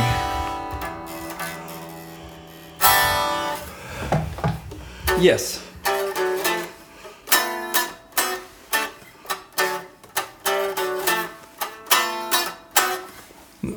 Ja, så, så tre, fyra.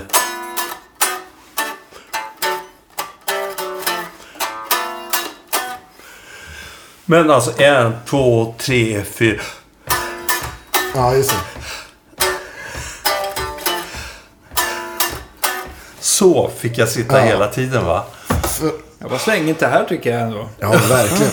Men alltså, det är lurigt. Vi kom fram till de här voicingarna och det är feg naturligtvis. Liksom. Ja. Så där, du vet, de- det är så... Men svårt också utan bas. Ja, eller hur? På något sätt va. Men, Det, det är asfräcka klanger. ja, visst.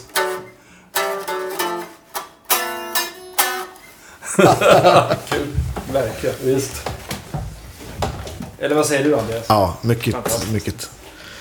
Men eh, känns som att vi, vi är på väg in på Stille Dance-spåret här lite grann. Ja, Okej.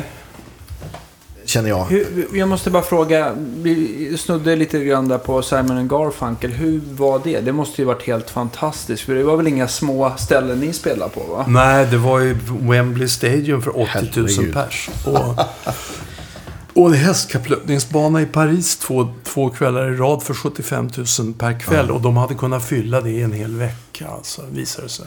De var, de var hyfsat populära. Fast de visste inte om det. Alltså, de, var, Jaha. de var helt förbluffade att det var så mycket folk som kom. Jaha. Men det måste ju ha varit kul också i och med att du, Ja. du, du eh, nämnde det som influens för, till, Eller hur? Ja, det var det, det, var det ju. Ja. för din egen Råsunda musik. stadion. Vi spelade på Råsunda Ja, stadion. vad kul att komma 40 000 hem. Ja. pers sånt. Ja, det var roligt. Det var, det var kul. Jo, men det var det ju. Det var ju... Det, det var, men det var nästan som ett studiogig. Mer eller mindre. Det, det var ju det är liksom inte som att spela lead med Steely Dan. Liksom, Nej, inte så du, mycket improvisation. Nej, inte mycket Nej. improvisation. Utan du fyller en funktion och du spelar. Du har liksom. verkligen, det är verkligen en roll. Ja. som man- Ja. Och det var coolt alltså. Ja. Det var ju flera, du vet, Eric Gale har gjort en del cool grejer. Alltså med, eh, med staffbandet då som han lirade mycket med Mm. på, på 70-talet. Va? Och, alltså som, som Paul Simon hade med på sina Ja. inspelningar. Liksom? Så, eh, och det var ju Gadd på, på uh, trummor. Men inte Anthony Jackson. Han kunde inte. Nej. Utan det var... Agad var med på turnén. Ja, han var Men han är väl nästan alltid med. Om Paul Simon ska spela musik så sitter Gadd där bakom. Han var det Och så- länge i alla fall. Ja, inte nu sista fyra, fem åren kanske. Men, men eh, han har ju varit med ända tills dess. Alltså. Jag tänkte, jag tänkte på en annan grej. Som du som har gjort så otroligt mycket spelningar. Det måste ju ha hänt mycket konstiga saker på scen, tänker jag. Så här som har hänt. Eller har det alltid varit väldigt lugnt och sansat? Eller har du några så här minnen över där ja, allting det, är gick... bra. Det, det är ingenting som kommer direkt in i... Det, det har ju... Alltså jag kan ju berätta en av de läskigaste upplevelserna jag varit med om. Det var på Saturday Night Live. Så var Olivia Newton-John med. En otroligt nice människa alltså. Och eh, hennes John Ferrer hette han som var producent för henne. Han var med också. och då gjorde han såna här grejer som han hade. Han hade annorlunda stämningar. Låtarna som hon hade gjort då eh, på en platta hade väldigt... Han har experimenterat väldigt mycket med stämningar på sätt att spela gitarr Ja. runt omkring det. Va?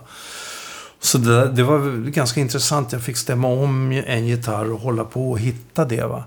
Men så, så gjorde hon också en låt som heter Body Talk. Eller My, My Body Talk. Eller någonting sånt där. Där Lukather spelar ett grymt jävla gitarrsolo. Alltså det, är- det är fruktansvärt bra liksom. Ja. Och det ville hon ha.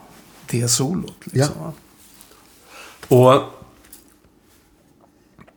och så, så jag lärde mig det. Och, och i och med att jag lärde mig det så lärde jag mig en massa tricks faktiskt. Om Ja. hur jag skulle kunna spela, fly- flytta mig från vissa positioner till andra positioner.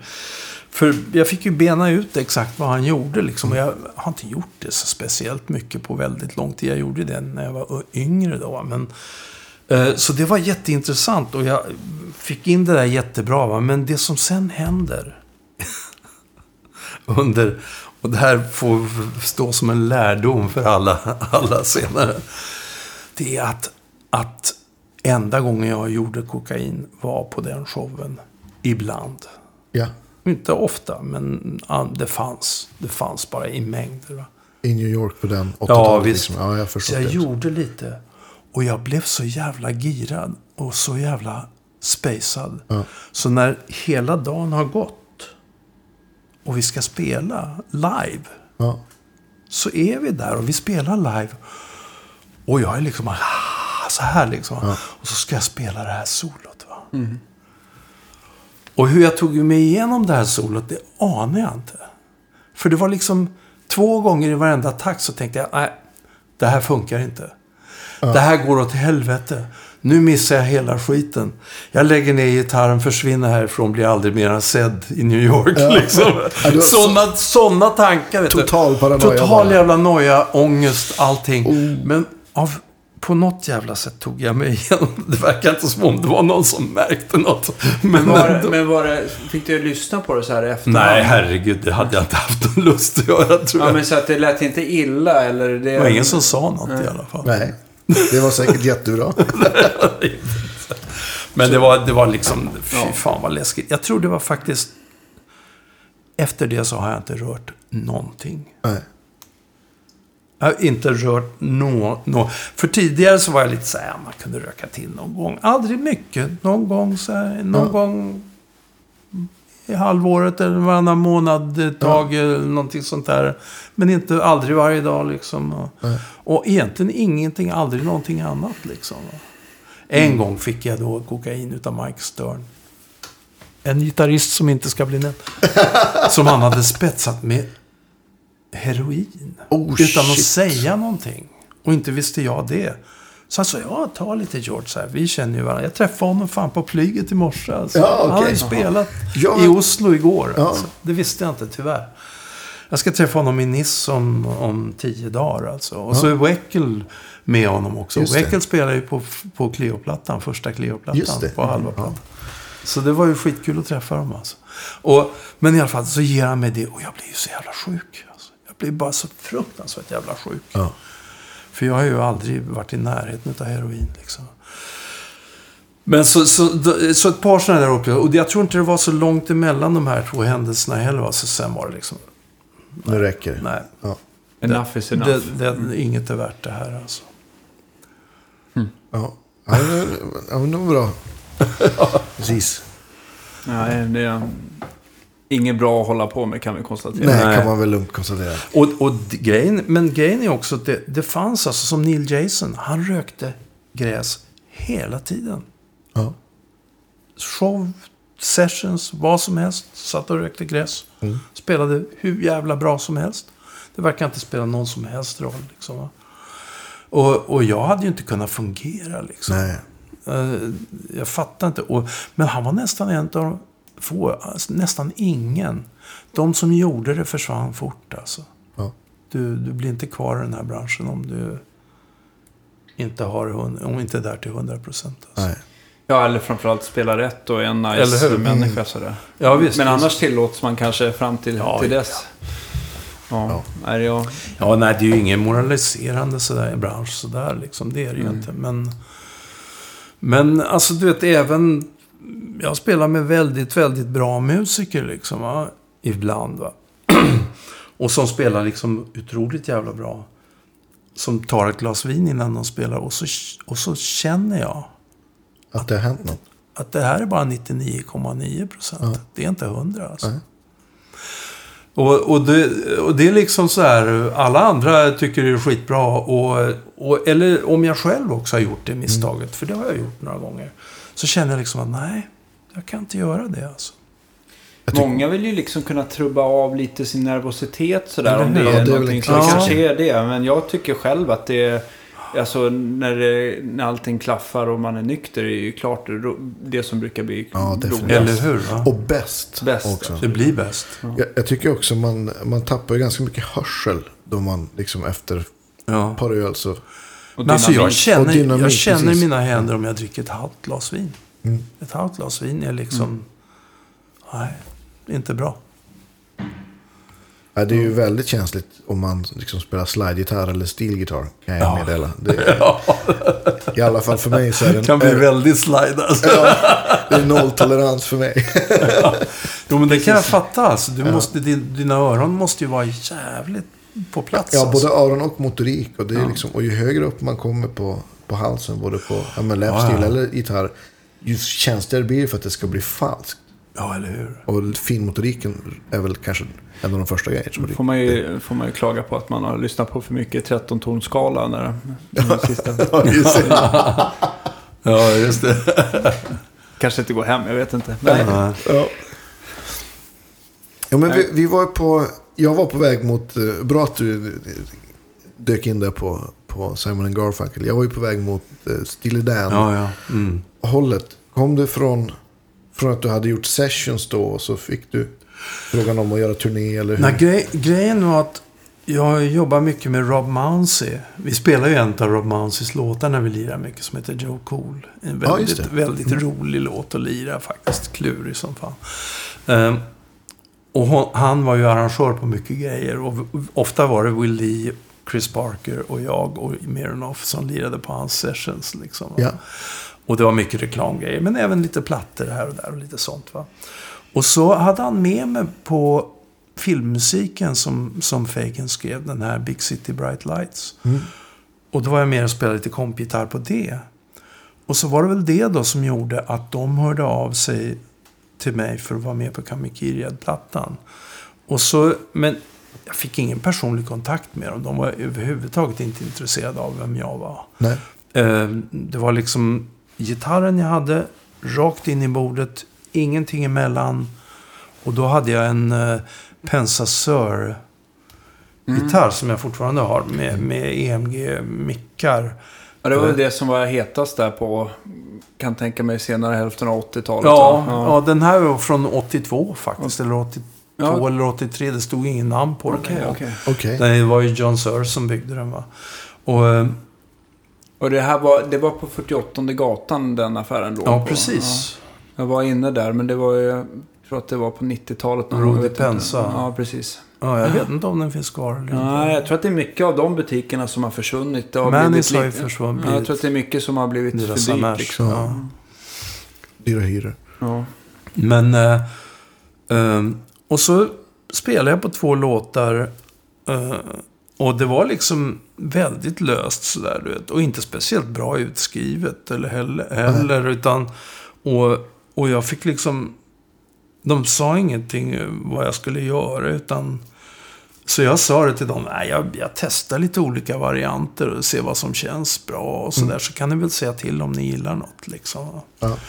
Och så gjorde jag det. Och så, men jag hittade ganska snart prylar och sådär. Jag, jag är ganska bra på det faktiskt. Alltså det där med att hitta idéer. Parts liksom. Parts, va. Och eh, framförallt var jag väldigt bra på det. Jag vet inte. Det är ju sånt där som man är bra på ju mer man gör också. Precis som allting annat. Eh, och så sa de inte, ja, då gjorde vi det och så såna, talade de om det här med virvelkaggen och det och sådär. Och sen så tre, fyra månader sen så ringer de igen och ja men du, eh, vi har en låt till och så här. Ja okej, ja fint. Samma, ingen personligt. Bara, tre, fyra månader, en låt till. Ja okej. Så till slut så är det, är, är det åtta låtar och då säger Walter du, du kanske inte vet om det, men det är bara du som lirar kompgitarr på den här plattan. Jag höll ju på att trilla av stolen. Jag tänkte de hade gått igenom halva registret i, Ja, ja. i, i New York. Men det var bara jag som lirade kompgitarr Ja, kul. på den plattan. Och, så, eh, och då hade jag med mig Cleo-plattan. För det här är ju 90, 90 den kom ut 93, va, Kamikiriya. Så det här är 90 någon gång, 90, 90 till 91, 92 som de här sessions hände. Så jag har med mig Cleo-plattan. Så jag sa det till Walter, det, jag vet inte vad du... Bara på kul så här, så, så här låter jag när jag spelar min egen musik. Liksom, va, om, om, om tycker kul. Och därför fick jag giget att spela lead med Steely Dan. Ja, för de, De diggade den plattan. Ja, visst. Det var kul. Kul. Ja, det, det, för han, när han ringde sen och frågade om jag kunde göra turnén. Så jag, wow, oj, hur har ni tänkt på det? Ja, men du gav mig ju din platta. Ja, okej. Ja, ja vad roligt. Ja, Jag tänkte på, eh, du sa Pensa Sur-gitarrerna där. Ha- Hade du, vad var det för förstärkare och övrig utrustning? Hur körde du liksom rack och sånt som var ganska poppis där på 80-talet? jag eller- försökte hitta sådana grejer. Men jag, jag hittade inte riktigt bra. Jag hade en bra... Jag hade en, men det hade jag först senare, en Custom Audio Electronics eh, förförstärkare och en 290 Boogie är det väl? Just Ja, precis. En Jag tror- poweramp ja. va? Och lite outboard gear och ett par högtalare och sånt där. Men jag kom aldrig riktigt djupt in i det där alltså.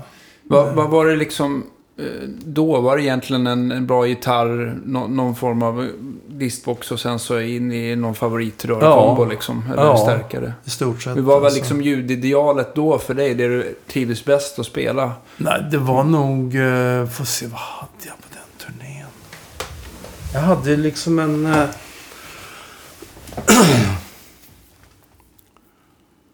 ah, jag tror jag lirade på... Det kan ha varit en Super Reverb eller någonting Mm. sånt. Men jag är inte riktigt säker. Alltså.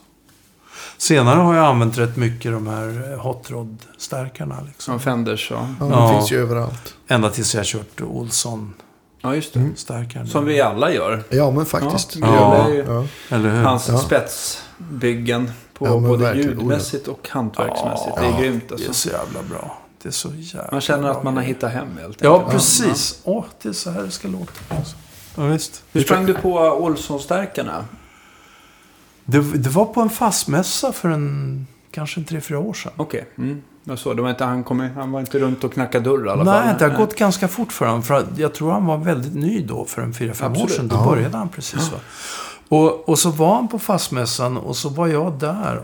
Och så snackade de mycket om honom och så träffade jag honom och så...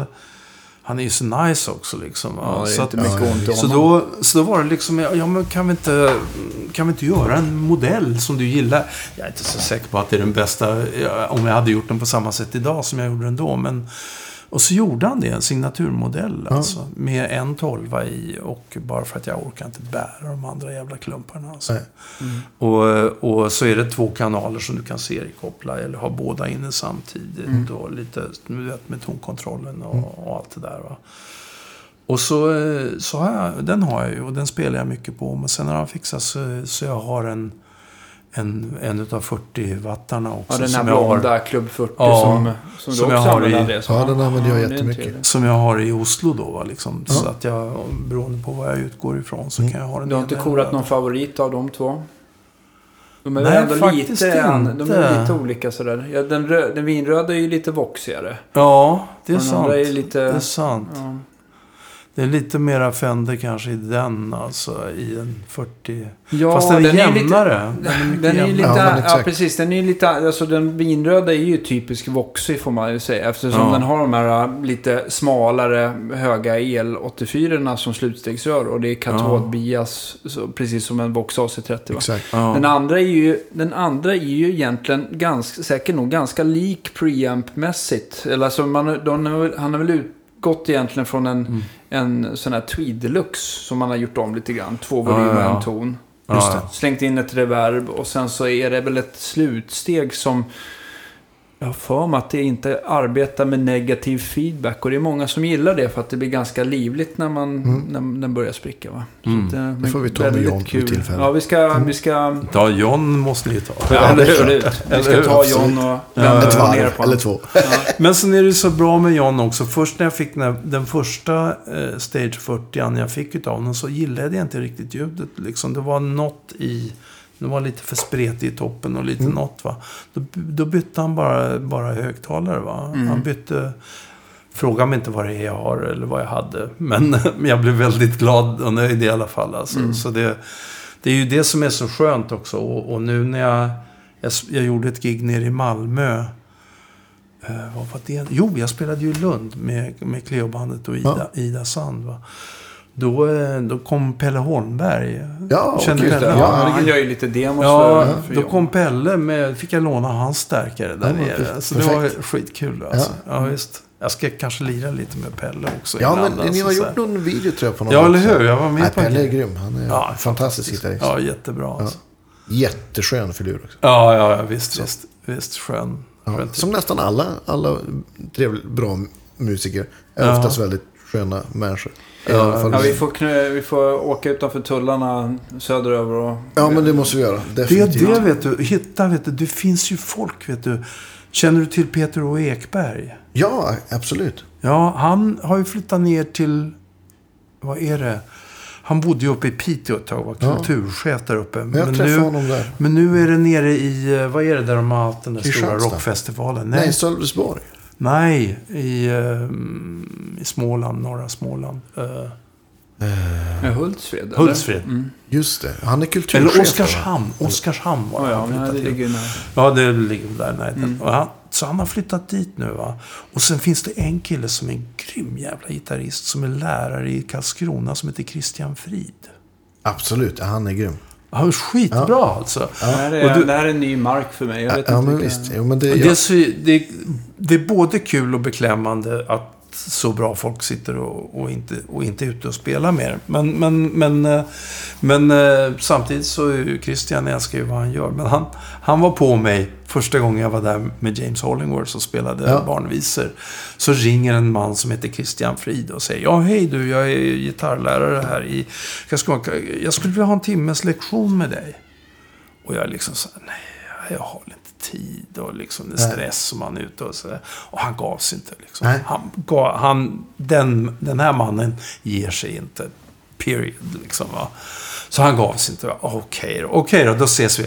Ja, det blir ju fyra timmar va. Och den, det var ju jag som fick gitarrlektionen. Alltså, det, var, det var ju liksom bara så, Han visade mig massvis med grejer. Och, men han var ju jätteglad för att få träffa mig. Och, ja, Finns mycket det bra folk på i vägen, Karlskrona. Alltså, ja. Ja.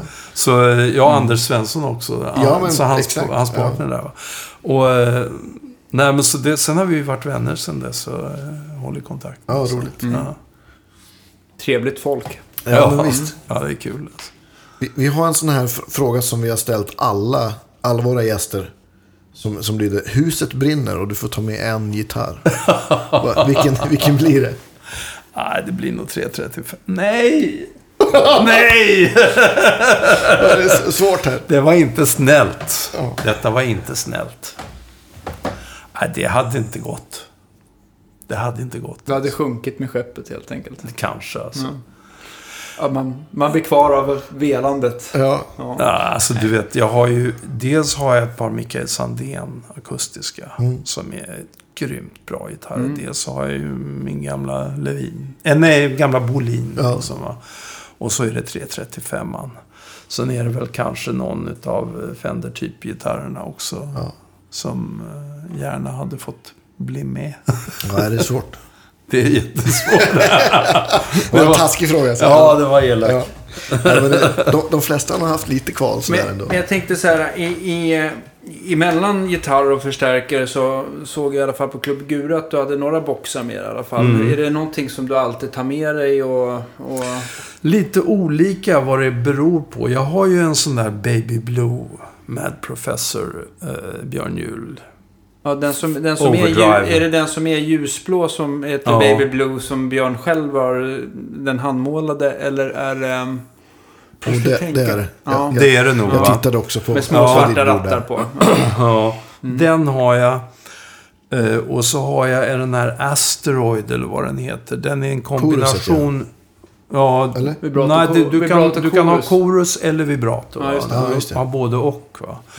Den har jag. Och sen beroende på, nu till exempel när jag är ute och, och reser så har jag, eh, har jag med mig den gröna DDLen från eh, Line 6. ja, Line 6. Ja. Mm. För där har jag tre olika möjligheter på delay och grejer. Va? Dels ett eh, analogt delay, dels ett lite chorus i eh, Mm. digitalt eh, modellerat och, och dels ett ganska kraftigt digitalt som jag använder för att göra långa svävande mattor med volympedalen. Liksom. Så det, det är det jag har med mig när jag reser så här. För nu SAS har ju tyvärr ställt till det så man inte får flyga med softcase Ja. från Stockholm. Oslo är inget problem. Nej. De har väl Köpenhamn är avtal till och problem. med med Musikerförbundet? Ja, jag vet inte hur det är. Men här så är de ju... Alltså personligen så tror jag ju att det är någon musiker som har legat med chefens fru. Alltså. Ja, men typ. Jag blev också... Någonting jag, jag blev varse the hard way i, i våras. Jag skulle Ja. till Tyskland. Och, Nej, men du gjorde ett, ett väldigt bra Facebook-inlägg om, om ja, detta. jag blir så förbannad. Det är så onödigt. Ja, jag håller med. För man tar inte mycket plats. Alltså, man gör Nej. inte det. Alltså. Nej, jag brukar så, så länge det inte har varit Ryanair i Skavsta så tycker jag att det brukar gå bra va, när man Ja. kommer med gigbagen. Får se, jag kommer inte ihåg vad jag för skivbolag, eller vad för skivbolag, jag, jag menar flygbolag nästa vecka ska till Italien där. Men Ja. eh, det visar sig, jag återkommer Ja, du om får, detta. får. Ja, nej, jag vet ju att eh, någon eh, smyger ju in det under rocken. Liksom, Mm. va? Så att det inte så det ser ut bara som en väska. Liksom, och Mm. sådär. Eller, eller har en kompis som står och håller gitarren när du checkar in och Ja. allting. Så kan du bara... För de säger ju aldrig något på planet eller, eller security. Utan det är just i incheckning. Som, Jag, jag som de råkade faktiskt ut för till och med det. De I, kom I planet? i planet så kom de och, du vet, så här, och pekade och, du vet, och jag tänkte säga, jag försöker, jag, jag låtsas sova. och, och då var det så här, kommer inte ihåg, jag tror vi skulle från ja, Sundsvall, Arlanda. Och så, ja, vems gitarr är det här? Och du vet så här, och jag tänkte, nej, jag säger inget. Och så, sen började de, du vet så här, skulle plocka ut den och tänka, det här går ju inte. Så sa jag, ursäkta, det är min gitarr. Så, här, ja, den här är ju alldeles för stor för att ha som handbagage. Och, och då fick jag verkligen kriga för att ha kvar den. Trots Ja. att det var ett halvfullt plan. Och det inte fanns någonting annat i den. Det är inte klokt. Nej, det vad är inte är det för fel på och, människor? och då, ja, men, och då, Paragrafryttare. Ja, men verkligen. Så att, eh, Ja. ja, det är tufft. Jag hade ett liknande problem när jag spelade i Australien. Och då hade jag fått, då hade de bett mig att det kommer någon vid gaten och ska ta din gitarr. Liksom. Ja. Jag hade en TL då, då eh, i gigbag. Mm. Och, så att, när jag kommer till gaten så är det ingen som frågar efter min gitarr. Jag går med den öppet så här. Så jag tar med mig den in på planet. När vi precis är redo för att lyfta då kommer de in bara och börjar öppna alla eh, luckor och sådär. Och så ser de gitarren och så bara, vems gitarr är det här? Du skulle ha träffat den här nere i gate. De är ju ganska nitiska i Australien märkte jag då. Eh, så att de bara, den, den, eh, den åker ut liksom. Så att jag fick Shit. inte med mig gitarren på det, den flighten. Så den, Du fick inte med på Nej. flight? Nej, så den kom alltså eh, två Wow. flighter efteråt och eh, en eh, annan människa från festivalen fick åka och hämta den så att Oj. jag fick spela på den. här. Nej, jag missade en, en konsert. Fick låna gitarr på plats då. från Ah, Och trots att, den inte, trots att den inte låg i vägen för någonting? Och, Nej, ja, det, Nej. den pa passade. Alltså jag ska inte säga att det, att det var lika gott om utrymme som du hade Andreas. Men ja, den, den skulle ut. Det var liksom, så var det bara. Ja, så, Det är så, inte klokt. Ja. alltså. så Ja, fick jag tråkigt. Långt senare, eller dagen efter, efter giget. Du har en väldigt fin case här till din Yamaha. Ja, det, En det, Carlton, det är väldigt, väldigt bra alltså. Och det där är extra är starkt också med extra... Så Är det, är det en Carlton eller? Ja, det är det väl va? Är det inte det? Ja, de är lite... Ja, jo, jag tror det. Är det? Ja, Carlton. Ja. Precis. Men de har såna här förstärkningar. Ja, visst. Ja, Jag kände också det. Jag, jag skaffade en så här. SKB gör något som heter I-series. Som också är så här. Det är väl Det va- använder va- jag, Det är ja, vapencaser tror jag va? Ja, precis. Det var ju uttaget för amerikanska militären. Jaha, de, ja. Jag rekommenderar dem, men de ligger ju på... I Sverige ligger de säkert runt en 3,5, 4, 4,5 Ja, ja, ja. kanske beroende på modell. Mm. Men då, då har jag aldrig varit orolig. Nej. Nej. Eh, och, Men du vet, det det är ju därför jag har också de här pedalerna nu. För att hade jag kunnat ta den på ryggen istället i en softcase, va, gitarren. Då hade jag haft med mig min pedalväska. Och där har jag två stycken Eventide. En sån här Mod Factor och en Time, Ja, time. Factor. Va? Som man har andra, massvis med olika möjligheter som jag inte har i, i Line 6. Va? Och, men i övrigt samma pedal. Och så har jag en annan Eh, vad heter den då? Det är, det är någon form av overdrive-pedal som jag har på väldigt lite. Va? Bara, om jag bara vill ha lite boost. Ja. Och, och kanske med lite hår på soundet. Va? Liksom, Mm. va? Så har jag den. Så då har jag liksom tre olika nivåer på clean eller lite overdrive och, fullt kör. Liksom, va? mm. Och, och så har jag då volympedalen på det bordet också. Liksom. Nu har jag en volympedal separat. Liksom, Mm. Packa i resväskan helt enkelt. Va? Man får packa i Ja, det är resväskan. ju det, är det man får göra. Ja. Liksom. Men, men det är ju problem, problem, problem senare i, eh, i, eh, i vinter. Va, så ska jag upp till eh, Boden. Eller jag ska, nej, ja, jag ska upp och spela barnvisor och annat. Jag kan inte ta med mig... Det, det är inte fysiskt omöjligt Nej, för mig. för. Att ta med två stycken gitarrer i hardcase plus en resväska. Om jag inte tar en taxi ut till Arlanda. Eller, det är liksom... Ja, det kan man ju göra nu i alla fall. För det är så jävla dyrt med Arlanda Express. Va? Så att det, Ja, det är svårt. Det är, jag, jag gjorde det i somras, skulle jag till USA och spela. Och då, då spesade jag Akigura på plats. För det var också så här, jag, jag Ah, kommer ja. inte kunna bära allt. Och, och, Nej, och då skulle vi också flyga en massa. Så då känns det som att ja, det, blir, det är dyrt med Ja. extra bagage och grejer. och Så. Så det, Mm. Alltså, Ja, jag, är ute, jag måste alltid med mig två gitarrer också. Då, slide och vanlig Mm. elgitarr. Men det är, ja. det är mycket att släppa på. Ja. Alltså. Ja, inte ja, kul. Ja, ja. Ja, ja. Nej, men som jag ska över till Staterna nu i, eh, i januari för att hälsa på mina tjejer, va, mina Mm. döttrar. Och då eh, spelar jag faktiskt i Stockholm den 6 januari. Och så flyger jag hem till Oslo och så flyger jag från Oslo till Ja. Amerika. då är det okej. Ja, det är ju... Då kan jag ta med mig en softcase. Ja, men precis. Och i Amerika så är det lag att de kan inte förbjuda dig att ha med det. Nej, precis. ja. De har ju, där har de ju också ett musikerförbund som har, har liksom Ja. jo- jobbat fram ett bra... Så att, Ja. att man får, Ja, får ha ett, ett handinstrument får man ha med. Det, det är ju, eh, lagen är att om det inte finns plats ombord, om du är så sen för att borda, då kan de ta den och lägga Mm. Ja. ner den. Va? Men är du tid, bland de som går på planet först, så kan de inte neka. Nej, men det Då får de inte neka. Och det, det, jag fick reda på det när jag lirade med eh, Blues Brothers här om året eh, i, i Moskva. Och, och då, eh, det är ju Lou Marini och du vet, Ja, det är ju ja. gänget liksom. Så, så, eh, eh, så, så kom han med, helt, med lagen utskriven, trombonisten. För han, Okej. hade, han hade blivit nekad att ta med sig trombonen. Ja. Och då hade han skrivit ut lagen, vet du. Så, så där står det då liksom någon representant för flygbolaget och absolut nekar. Och så skri- säger han lagen så här. Får jag snacka med din överordnade liksom? Ja. Det här är lagen liksom. Va? Ja. Du vet, så snubben hade ju nästan fått hjärtattack för han var så förbannad. Den jävla funktionären alltså. Vet.